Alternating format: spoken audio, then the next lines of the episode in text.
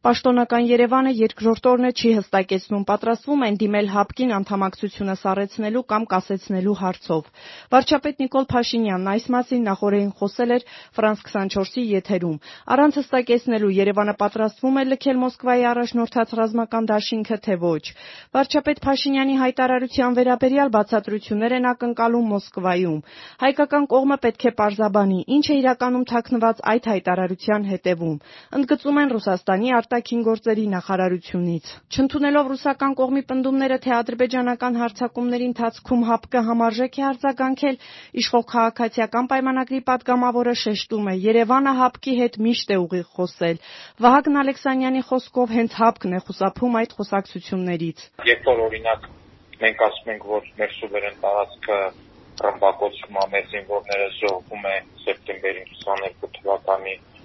դուք մեր դաշնակիցն եք, մենք այս հավաքական անվտանգության պայմանագրի անդամ ենք, եկեք մեզ օգնության, մեզ ասում են՝ դե գիտեք ինչ, ձեր սահմանը ոնց որ այդքան էլ հստակ չի եւ այլն, այդտեղ է պետք հասկանալ, թե ինչ կա այդ հայտարարության տակ, իսկ մեր հայտարարության տակ ինչ որ բաներ փնտրել, ես կարծում եմ պետք չի, մեր հայտարարության տակ կա այն, ինչը որ մակերեսին Մոսկվայից պնդում են, թե 2021-22 թվականներին Հայաստանի իշխանությունը շինծու պատրվակներով մերժել է ՀԱՊԿ դիտորդական առաքելության տեղակայումը։ Ռուսական կողմն ասում է՝ դա ներառում էր նաև ռազմատեխնիկական օգնություն, չհստակեցնելով, սակայն, թե ինչի մասինն է խոսքը։ Հայաստանի կառավարությունը ՀԱՊԿ դիտորդների տեղակայումը հայկական տարածքում մերժում էր՝ հիմնավորելով, որ մինչ այդ ռազմական դաշինքից պետք է քաղաքական գնահատական տրվի Բաքվի գործողություններին։ Հստակ նշվի, թե որն է ՀԱՊԿ-ի համար Հայաստանի սահմանը, ինչն այդպես էլ չարվեց։ Հայաստանի ոչ մի հարցապնդում անհիմն չէ, այն բոլոր հարցապնդումները, որ Հայաստանը անում է ՀԱՊԿ-ին, դրանք բոլորը առավել քան հիմնավոր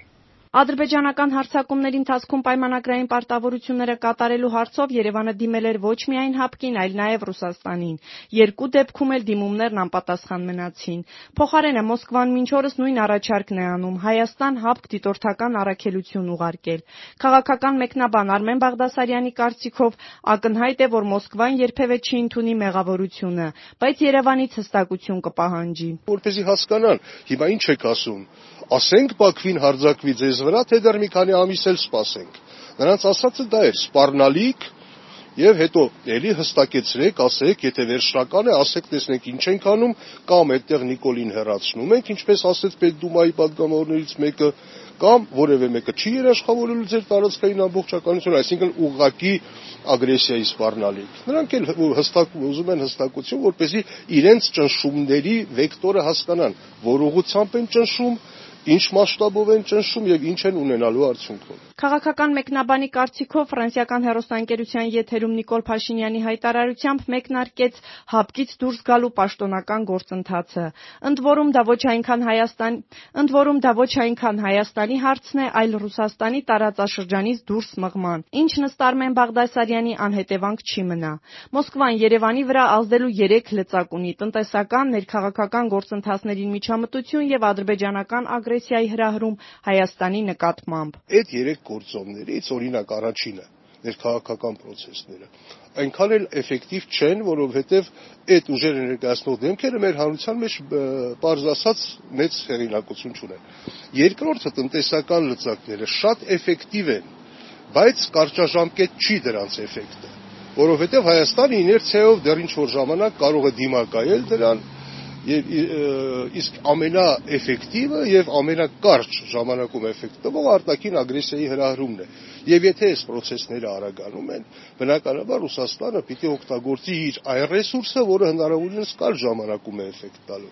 Այսինքն հրահրել Ադրբեջանի ագրեսիա Հայաստանի նկատմամբ, որպեսզի այդ ճանապարհով կանխի Հայաստանի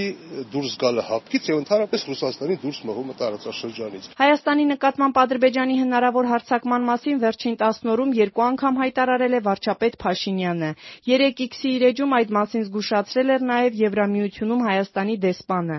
Ըստ Տիգրան Բալայանի Ադրբեջանի նախագահը եւ նրա դաշնակիցները հերթական ագրեսիան են նախապատրաստում ընդդեմ Հայաստանի։ Քաղաքական մեկնաբան Արմեն Բաղդասարյանը կարծում է, որ Արևմուտքը պետք է Թուրքիայից եւ Ադրբեջանից հստակ երաշխիք երաշխիքներ ստանա, որ Հայաստանի վրա չեն հարձակվի։ Հակառակ դեպքում Հայաստանի դուրս գալը ՀԱՊԿ-ից արկածախնդրություն է։ Եթե երաշխիքներ չկան, որ Ադրբեջանը չի հարձակվի, այսինքն չի տրվի գայթակղության, երբ ռուսները հրահրեն հարձակվել, եթե այդ երաշխիքը չկա, մեծ հավանականությամբ մենք կունենանք կանխատեսելի երկով պատերազմ։ Այս ֆոնին Երևանն ու Բաքուն վերջին օրերին միմյանց մեղադրում են հրադադարի ռեժիմը խախտելու եւ միմյանց դիրքերի ուղղությամբ կրակելու համար։ Շողիկ Գալստյան, Ազատություն ռադիոկայան, Երևան։